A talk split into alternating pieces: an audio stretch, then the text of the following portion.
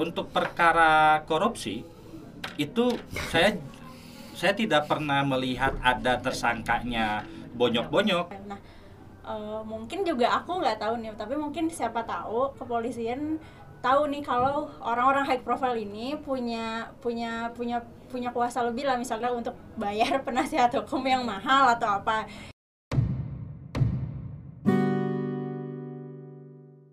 Kawan-kawan ketemu lagi dengan Tri Rwanda di sini dan saya nggak sendirian. Kalian lihat sendiri sebelah kiri saya ada uh, perempuan dari perempuan pasti cantiknya. Lucy namanya. Siang Lucy. Siang Kang. Sehat sehat sehat. Sehat, sehat Kang. Dan sebelah kiri Lucy ada Nukasep Sadunia Cenah mah. ada Mang Astro. Astro, apa kabar? Uh, baik, Mantri. Baiknya. Uh, Astro ini teman-teman, kalau di lingkungan pegiat HAM uh, dia cukup bergaul. Dia menam apa namanya? Kami biasa menyebutnya sebagai uh, pembela HAM. Artinya kita akan bicara nggak jauh dari situ. Tapi yang lebih yang lebih pengen kami awali dulu sih obrolan soal ini sudah berminggu-minggu ini kan uh, jagat maya pemberitaan juga rame soal polisi. Teman-teman tahu ya efek dari FS alias Ferdi Sambo itu kan sampai katanya presiden loh yang yang bilang bukan saya ya harus bebersih ya di lingkungan internal Polri harus bebersih. Kemudian itu bintang dua kan? Bintang dua berikutnya yang kemudian jadi berita juga adalah soal berkaitan nama kanal ini sebetulnya artinya isunya berkaitan nama kanal ini soal narkoboy. Ya kita semua tahu ya ada soal sabu yang uh, diduga dijual kembali barang bukti sebetulnya itu oleh seorang jenderal bintang 2 juga. E, kita tahu dari pemberitaannya namanya karena jenderal 2 juga mungkin terbatas di Indonesia. Jadi Pak Teddy Minahasa ini diduga menjual barang bukti sabu ya dan itu semua viral, itu semua jadi berita dan soal bintang 2 ini jadi rame lagi. Artinya kepolisian sedang disorot. Nah, saya sih tidak akan karena kedua rekan saya ini bukan bukan pengamat kepolisian, bukan. Artinya saya akan proporsional saja bertanya pada beliau-beliau ini.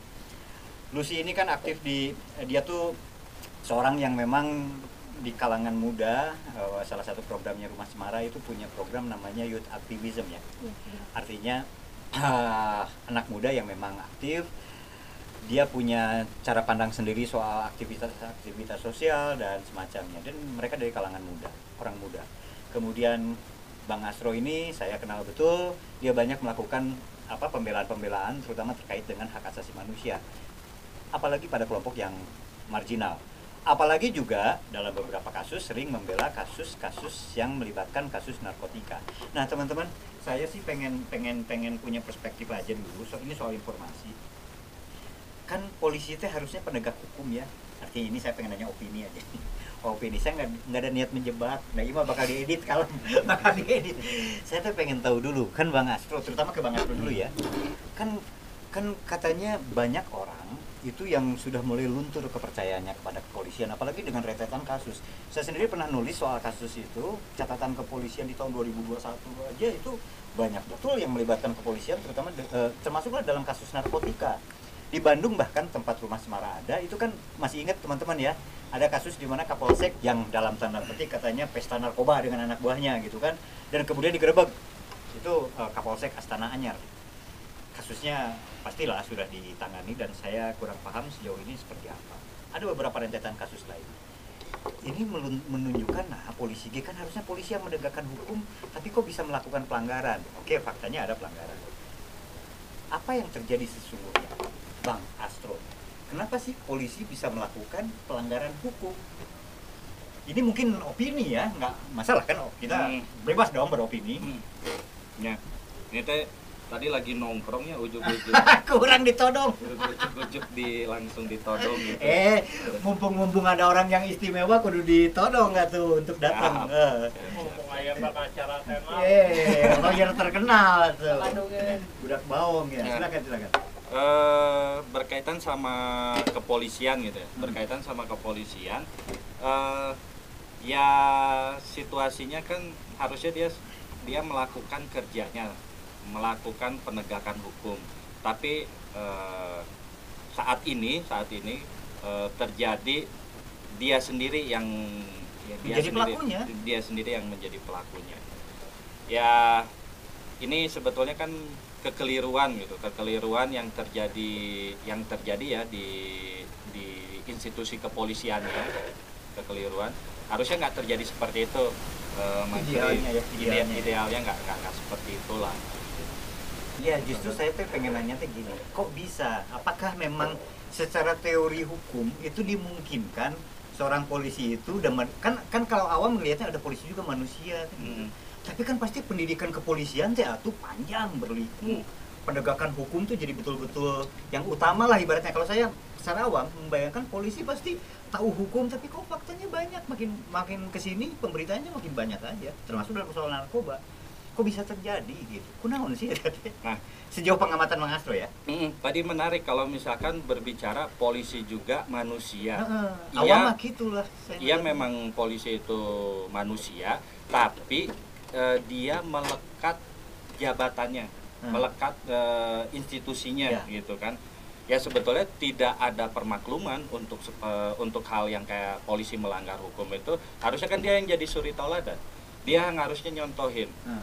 eh, bagaimana agar eh, masyarakat itu mendapatkan oh perilaku-perilaku yang baik. Hmm. Nah, harusnya dicontohin dulu tuh sama polisi. Modelnya seperti itu. Kalau misalkan polisi juga manusia, karena dia melekat eh, jabatannya, institusinya. Nah, selanjutnya eh, berkaitan sama polisi yang melanggar gitu ya. Ya, itu harus ditindak tegas. Tentunya harus ditindak tegas, tidak perlu mm, ragu-ragu lagi, ya kan? Baik itu atasannya ataupun misalkan pucuk pimpinannya itu adalah Kapolri gitu Mhm. Ya sudah langsung dipecat misalkan tuh modelnya. Entah itu mekanismenya bisa melalui apa kan ada sidang etik, Mm-mm. Hmm, ada sidang etik benar dulu ya. itu lewat etik satu. Nah kalau misalkan seperti itu ya langsung dipecat saja gitu modelnya. Nah, terus diproses hukumnya ya kan diproses hukumnya. Nah memang menarik itu kalau misalkan kemarin eh, pada perkara siapa ya? Perkara Sambo. Hmm. misalkan perkara Sambo eh, ada beberapa eh, dampaknya itu yang keterlibatannya itu adalah eh, mungkin kolega-koleganya rekan-rekannya tapi akhirnya itu eh, modelnya dimutasi. Hmm. modelnya dimutasi kan? Harusnya nggak perlu ragu-ragu eh, jangan dimutasi tapi ya dipecat saja. Toh kalaupun misalkan itu ada keterlibatan jenderal yang pucuk-pucuk strategis gitu ya eh, dalam tubuh eh, kepolisian, Kepolisian. gitu. ya nggak akan kekurangan jenderal kok dan nggak akan kolaps juga negara Indonesia kalau misalkan itu dipecat gitu Hiji misalkan dua jenderal lu dipecat banyak, banyak jadi lengit polisi kan gitu. kalau kalau contohnya gini deh, kalau misalkan ada 100 jenderal di Indonesia, terus eh, mereka eh, ternyata eh, ketahuan atau terbukti terlibat kesalahan gitu ya, kesalahan hukum nih. Ya dari 100 yang terlibatnya 80 pun ya 80-nya dipecat saja.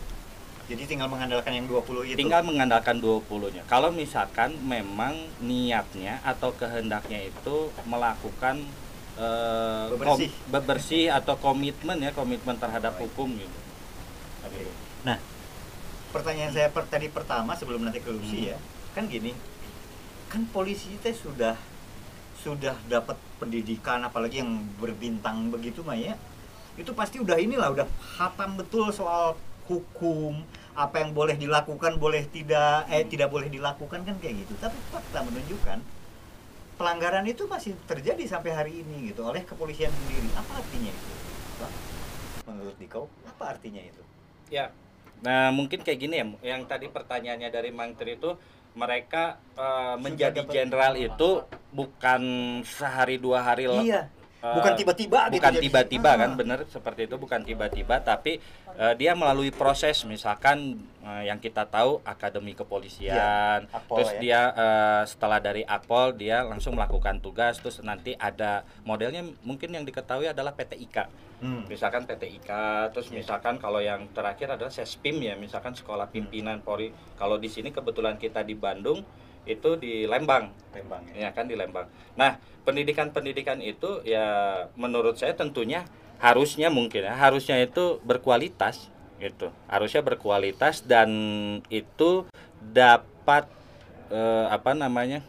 kualitas dari pendidikan itu kan bisa dilihat dari dari ke, dari polisi yang mengikuti pendidikan Iya, tersebut iya, iya, iya, ya kan iya, iya. tapi kenyataannya kan malah malah jadi tidak sesuai itu berarti kan ini kualitasnya bisa dikatakan eh, buruk kualitas pendidikan yang dilakukan oleh kepolisian karena anggota-anggotanya masih banyak yang melakukan pelanggaran Mhm. Ah, atau kesalahan hukum lah kalau pelanggaran itu terlalu rumit mungkin ya mungkin Nah, eh, itu di diksi mata sendiri hukum. ya kesalahan di mata hukum kesalahan di mata hukum lah.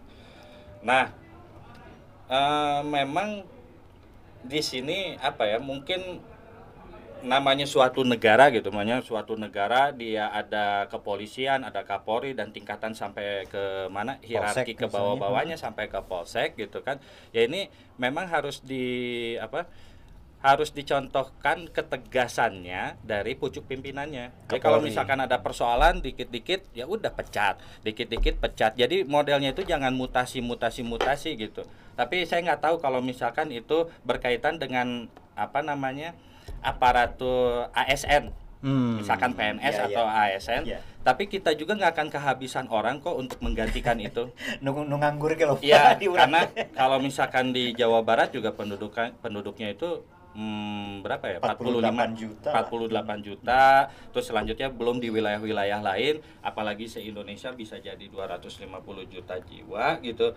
Itu nggak akan kehabisan kalau misalkan eh, ketegasan ada salah hukum pecat, ada salah hukum pecat. model. Artinya tidak ada toleransi atas apalagi mereka penegak hukum kan ya, yang Mm. seharusnya memang bisa menegakkan hukum kan gitu. Saya eh, dan yang menarik kan tadi gini, artinya ada ada masalah di soal pendidikan-pendidikan di kepolisian. Mm. Kalau saya bayangkan gitu karena input juga akhirnya menyesuaikan dengan apa sorry output itu akan sesuai dengan inputnya jangan-jangan itu yang terjadi Ya. dan cenah ya ini di masyarakat nih ini gosip ya cenah loba oke nu nyogok soalnya abus ke polisi teh gitu loh. Ini gosip Hmm. gosip. Saya saya ini gosip. Saya tidak punya datanya. Hmm. tapi di masyarakat itu tuh ada kesan seperti itu. Wah ya mah. Ibaratnya gini kalau saya lagi nongkrong dengan teman-teman ah yang meninggali polisi kieu mah pasti ya katanya dalam bahasa Sunda ya. Ya pasti abus lagi nyogok tinggal itu pakai motor wae itu pakai helm gitu. kan jadinya ada image seperti itu gitu. Setuju nggak dengan pendapat itu sebelum ke Kang Asro gimana Lucy di kau melihat nggak sih ada masalah di soal inputnya juga gitu loh Iya.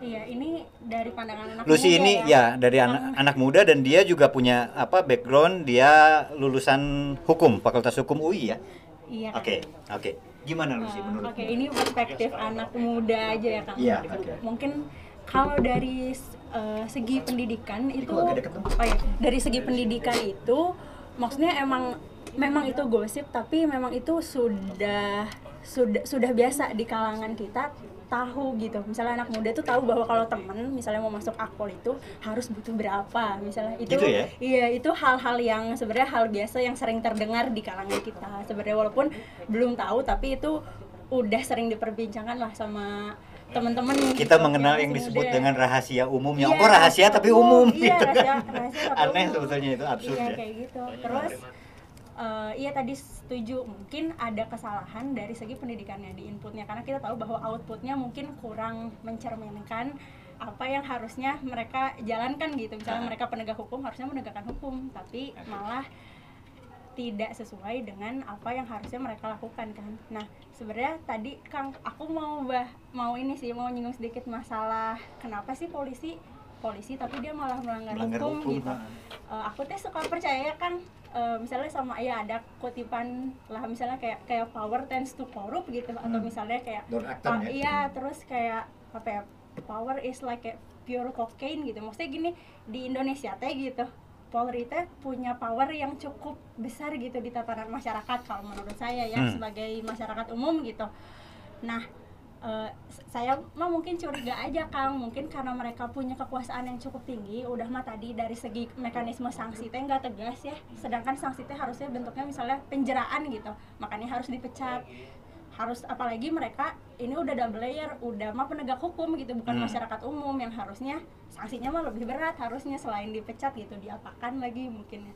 karena pertanggungjawabannya juga beda gitu nah itu tadi maksudnya mereka teh mungkin ya merasa berkuasa segala macam terus sanksinya juga teh nggak ada merasa hak apa ya punya imunitas Hmm. gitu kalau menjalankan teh jadi mungkin mereka tuh biasa aja gitu menjalankan kesalahan-kesalahan hukum hukum tadi Lucy ingin bilang bahwa Gitu. ada kecenderungan abuse of power. iya bis mungkin mungkin karena kita tahu bahwa powernya di masyarakatnya kan kuat ya siapa lagi yang mau menegakkan Sasin wanita hukum? polisi Ah, sebenarnya. iya gitu Udah orang kayak keur nangkring di mana gitu. Terus saya polisi ah asa kumaha gitu. Ini ini yang terjadi eh, Mang Astro. Iya. Dan Lucy gini. Kalau saya sebagai awam, sebagai masyarakat Iya. kan kan kalau ini sorry mungkin saya nggak tahu teman-teman di kalangan teman-teman sendiri gimana sih. Ada nggak sih yang punya perasaan kayak saya?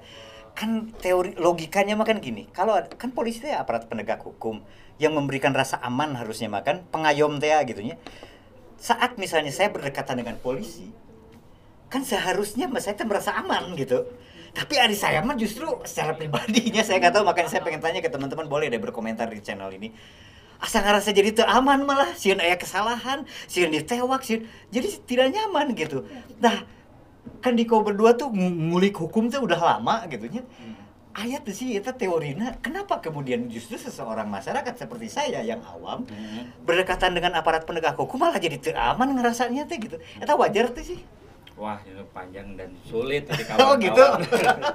Tapi modelnya kayak gini lah. Tadi kayak dibicarakan terkait apa ya gosip atau gogon lah misalkan yang Gogon teh naon? Masih underground. gosip-gosip underground, underground gitu. oke Eh, bisa dikatakan tidak ada datanya misalkan dan ini juga belum valid atau Ya. mungkin itu pun eh, tidak ada atau tidak diakui kan kita nggak tahu ya Nah, misalkan nah kalau misalkan tadi merespon terkait kalau untuk eh, masuk eh, kepolisian itu untuk masuk kepolisian nah katanya sih eh, menggunakan uang gitu ya Ah, modelnya segala pelicin, macam pelicin, ya. pelicin segala macam. Nah ini sih sebetulnya pa- hal yang menarik ya buat saya eh, dari sudut pandang yang lain.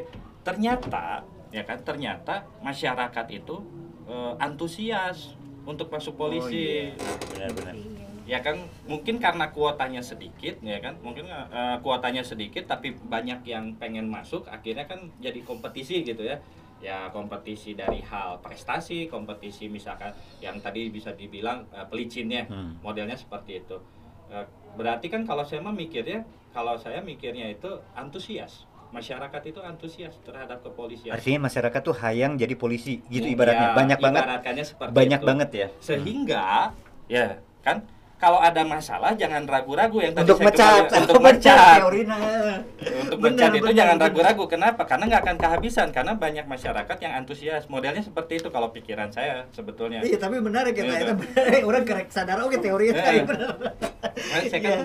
berpandangannya seperti itu. Sehingga pucuk pimpinan kepolisian eh, kalau dalam melakukan tindakan ya tegas saja pecat itu kan modelnya pecat modelnya pecat modelnya seperti Iya. itu sehingga kalau misalkan ada ketegasan seperti itu ya bisa jadi ada perubahan Hmm. akan berbenah diri dengan secara organiknya modelnya seperti itu kalau saya ngebayanginnya Iya, kayak iya. gitu ya dan berkaitan sama kekuasaan tadi juga menarik nih berkaitan sama kekuasaan ya eh, kekuasaan ini kan dalam rangka negara ya misalkan. Nah kalau misalkan dalam rangka negara sebetulnya kita juga harus berpikir ya maksudnya eh, untuk kepolisian ya untuk kepolisian bahwa apa yang dia lakukan apa yang dia kerjakan sebagai polisi ya kan dia ini harus memiliki perspektif eh, untuk berbangsa dan bernegara jadi bukan sekedar kerja modelnya bukan sekedar kerja dan mendapatkan upah atau penghasilan tiap bulan. Nah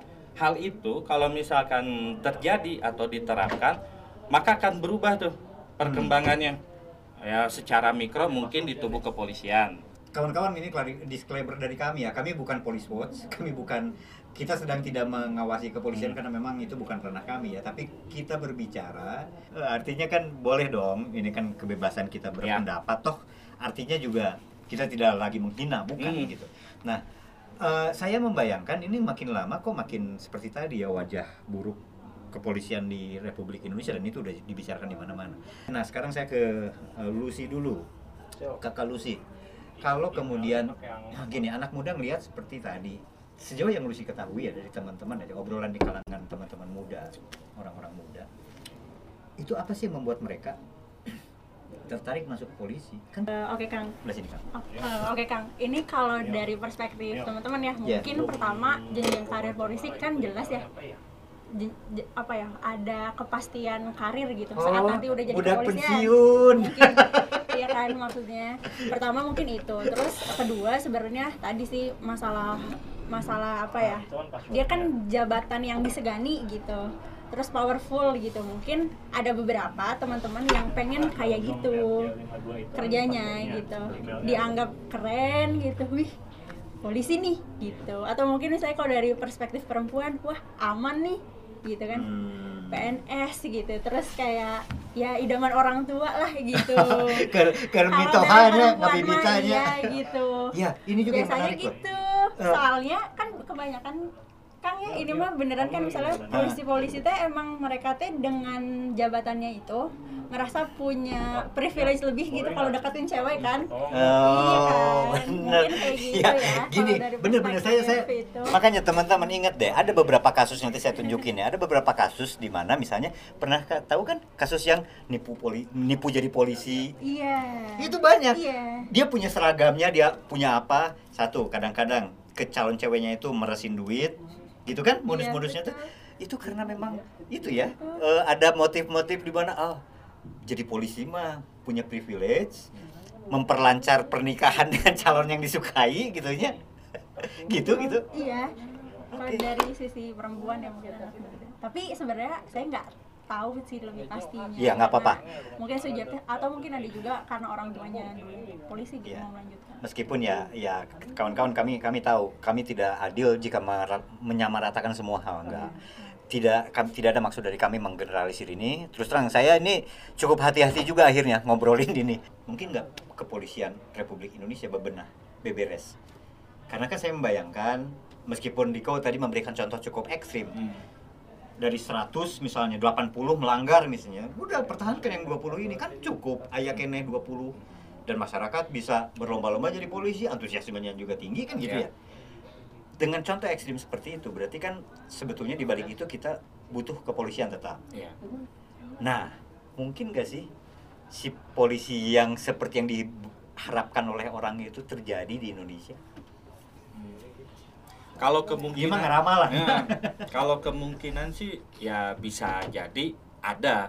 Kalau Ada. kemungkinan peluang itu ada ya peluang itu kan ada. Yang penting ya kitanya selalu ya apa ya dari kepolisiannya selalu apa namanya berubah ya kan mem- memperbaiki eh, memperbaiki eh, dirinya gitu kan Eh, karena yang tadi yang paling penting adalah bahwa masuk kepolisian atau menjadi polisi itu ya bukan hanya sekedar tugas gitu kan tapi ya ini demi bangsa dan demi negara. Tapi bukan klise. Iya. itu harus dilakukan gitu kan.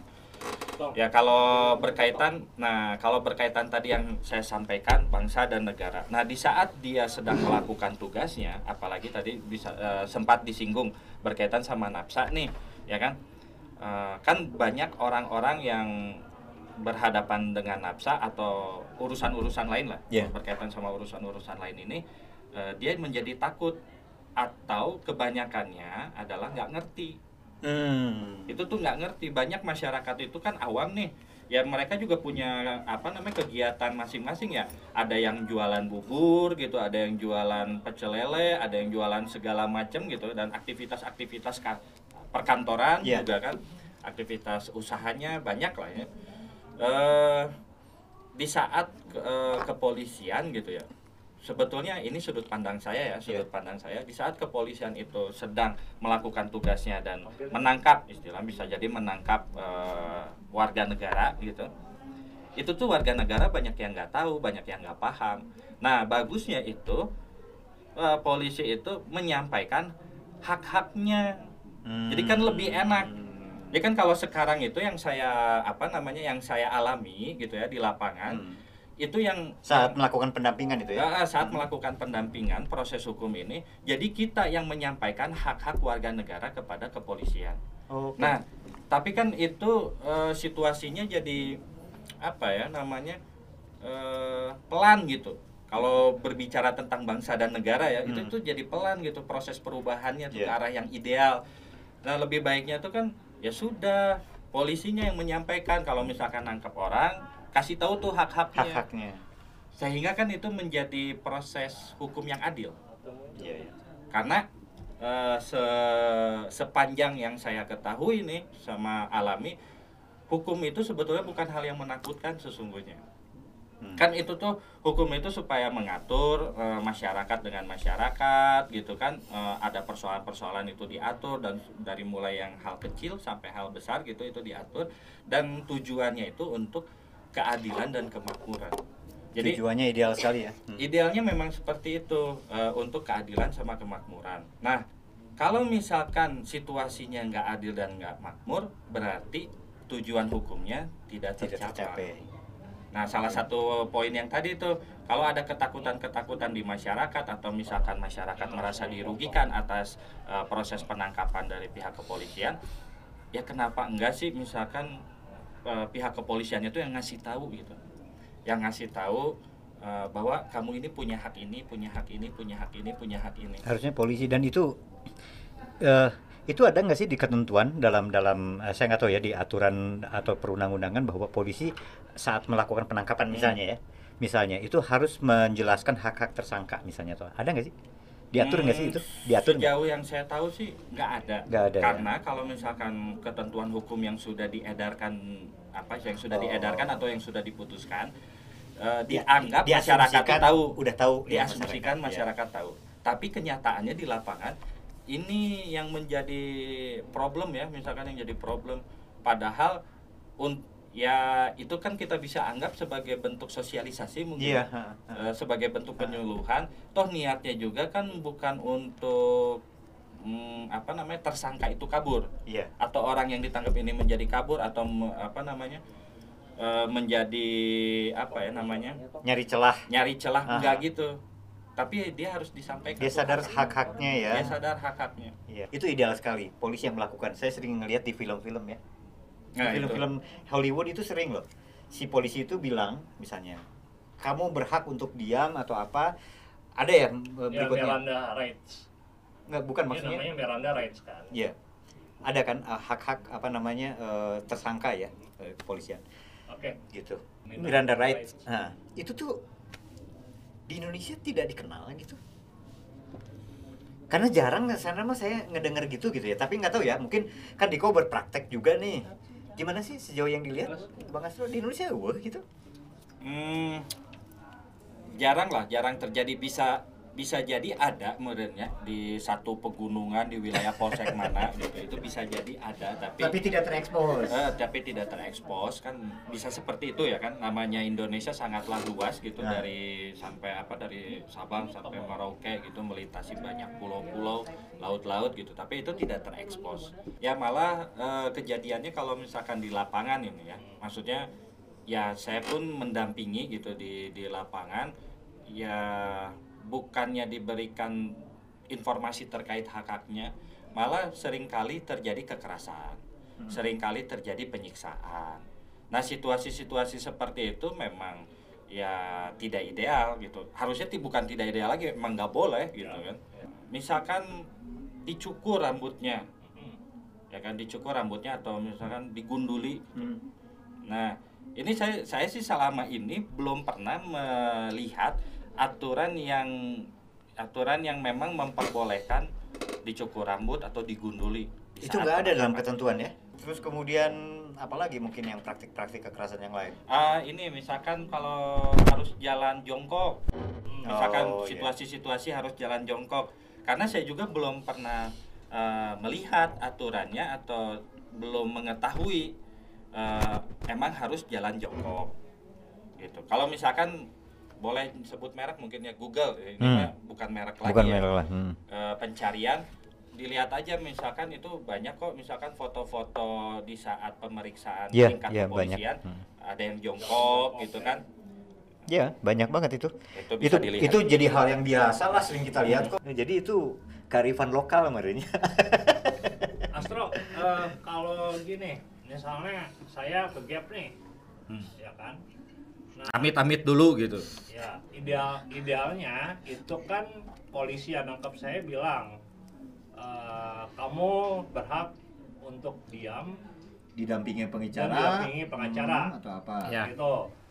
Nah, eh, tapi pada kenyataannya ketika saya sampai di kantor polisi gitu, saya disuruh jawab beberapa pertanyaan tanpa didampingi gitu. Hmm. Nah, terus saya bilang, Bu, Pak, saya kan punya hak untuk didampingi pengacara dan saya berhak diam, gitu. Nah, yang ada kemudian saya malah dipukuli, misalnya kayak gitu. Itu eh, banyak nggak sih kejadian-kejadian kayak gitu?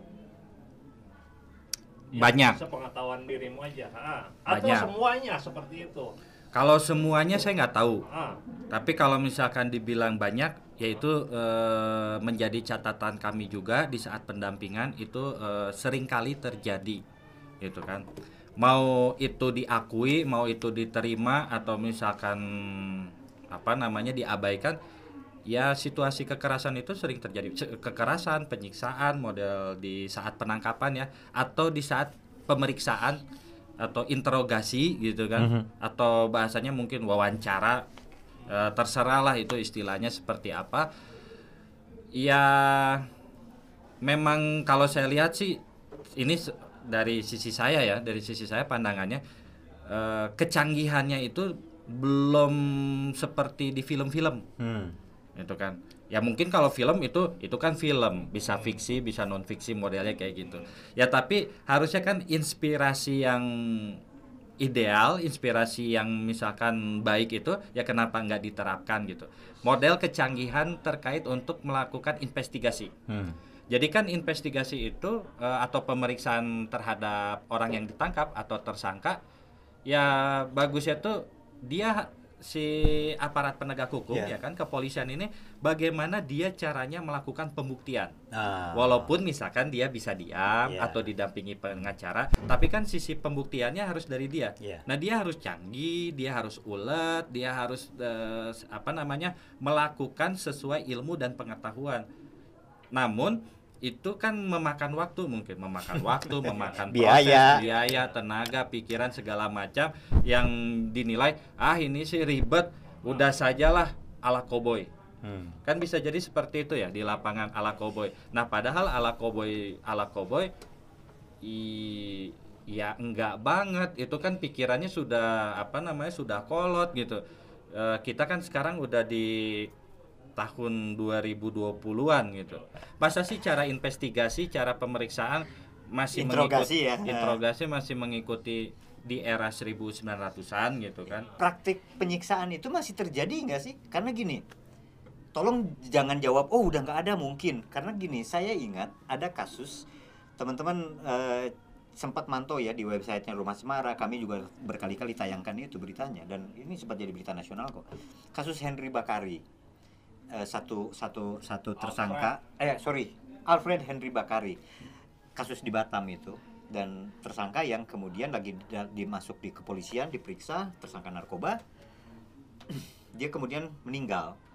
Dan dalam keadaan dibungkus apa isolasi ya lakban. Keluarganya kan tidak terima.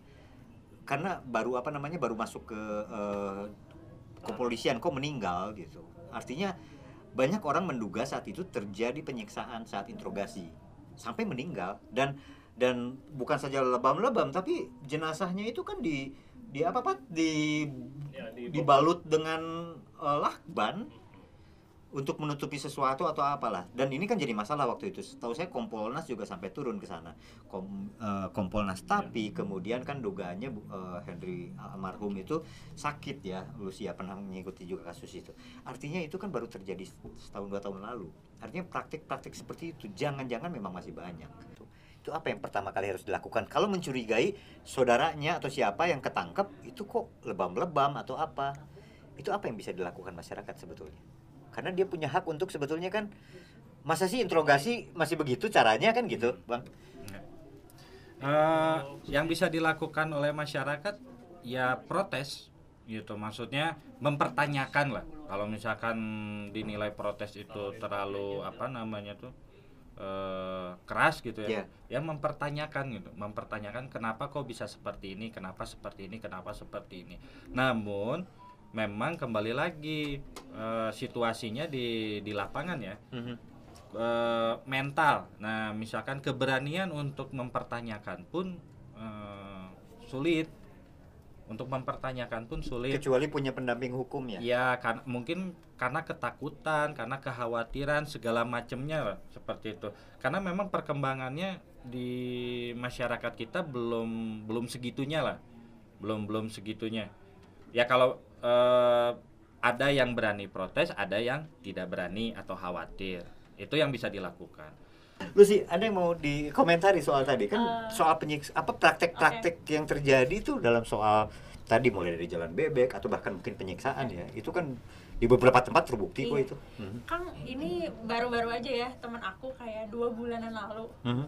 di luar kampus eh, di Bandung di Bandung dia eh, rencananya mau beli terus Beli apa? beli Narkoba. beli narkoboy lah Oke, gitu kan mhm, mhm. terus dia mau ngambil terus akhirnya eh, teman aku yang satu lagi nungguin kan tapi dia nggak balik-balik akhirnya mm, baru lima jam kemudian ada sekelompok orang masuklah ke ke kampus Oke. Nge- eh, terus teman aku udah curiga mungkin dia ketangkep mungkin ya atau apa terus ada segerombolan tapi dia nggak pakai baju terus Baju preman lah. Iya, nggak maksudnya nggak Pakai pakai seragam. nggak pakai seragam, nggak pakai seragam maksudnya. Jadi jadi kan temen aku ini Banyak bully kan, jadi bingung Oke, kan oke. ini siapa.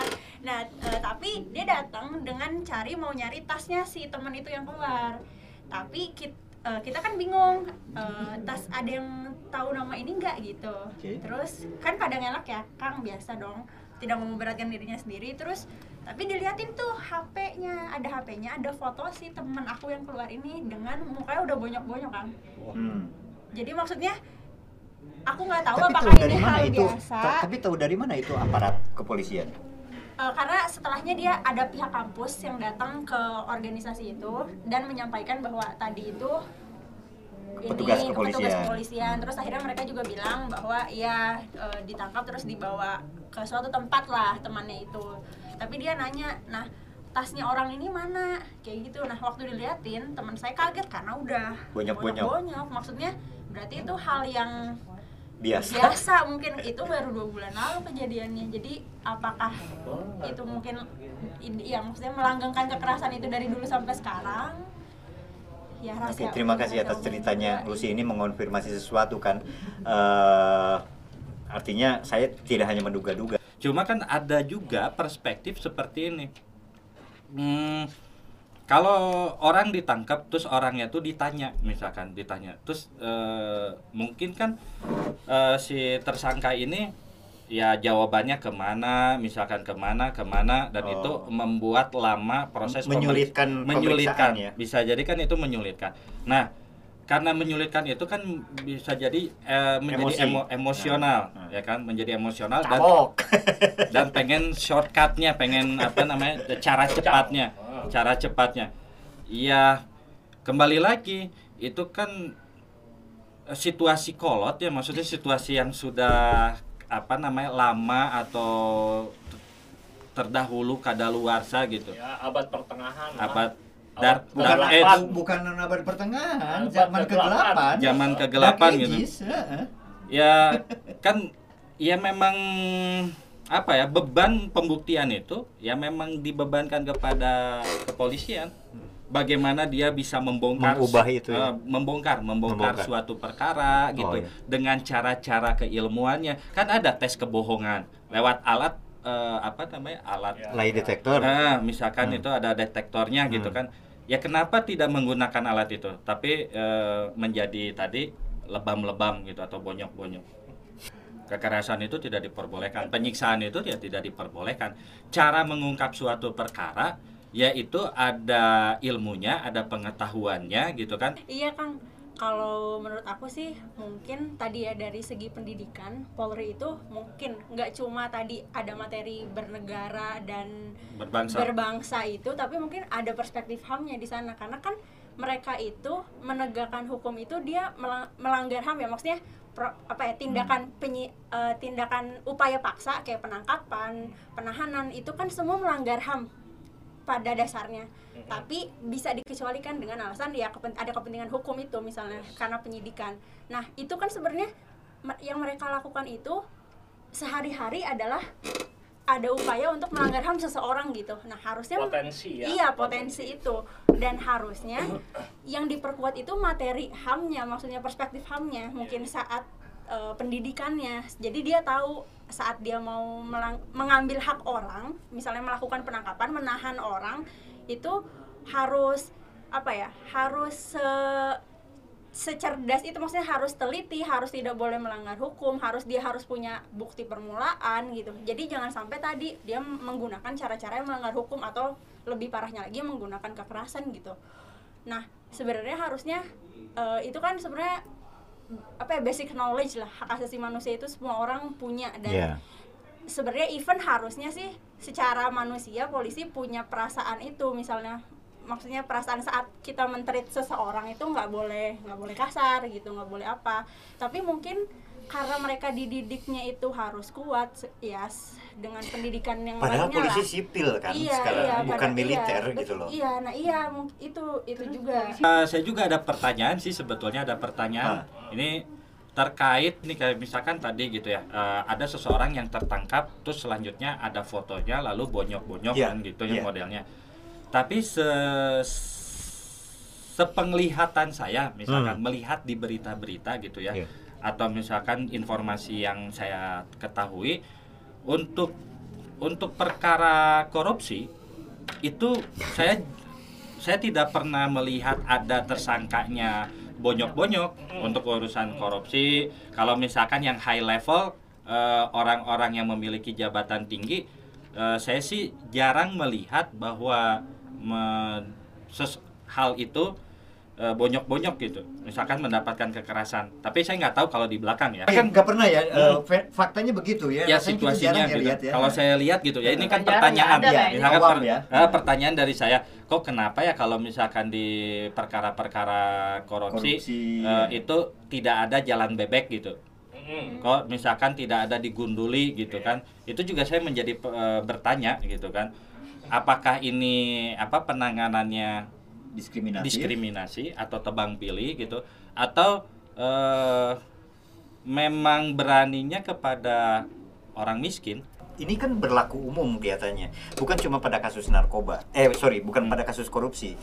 Coba deh lihat teman-teman, mari kita jujur dengan apa yang kita lihat sehari-hari dalam pemberitaan soal narkoba aja. Coba. Coba, Ar- jarang nggak sih itu artis kalau beda beda loh kalau saya lihat misalnya. Ada misalnya yang tersangka kasus narkobanya orang kebanyakan dalam tanda petik yang orang miskin tadi. Itu kan sangat mungkin tuh. Misalnya oh, udahlah jalan bebek lah kemudian digunduli atau apa. Tapi saya jarang lihat tuh misalnya tanpa tanpa bermaksud me- me- apa namanya memojokkan nama-nama ini ya Lucinta Luna dia jelas terkena eh, kasus ya. Kemudian Jeff Smith misalnya atau Anji atau apa. Ya, rasanya saya Ramadhani. iya Nia Ramadhani. Saya nggak pernah lihat loh misalnya mereka eh, seperti tadi gitu. Situasinya situasi yang dihadapi atau dipertontonkan pada publik. Jadi mungkin bukan cuma kasus korupsi tapi ini lebih ke soal high profile. High profile. ya soal strata sosial seolah-olah gitu loh. Gitu eh. cek saya mah Benar Kang, setuju setuju. gimana?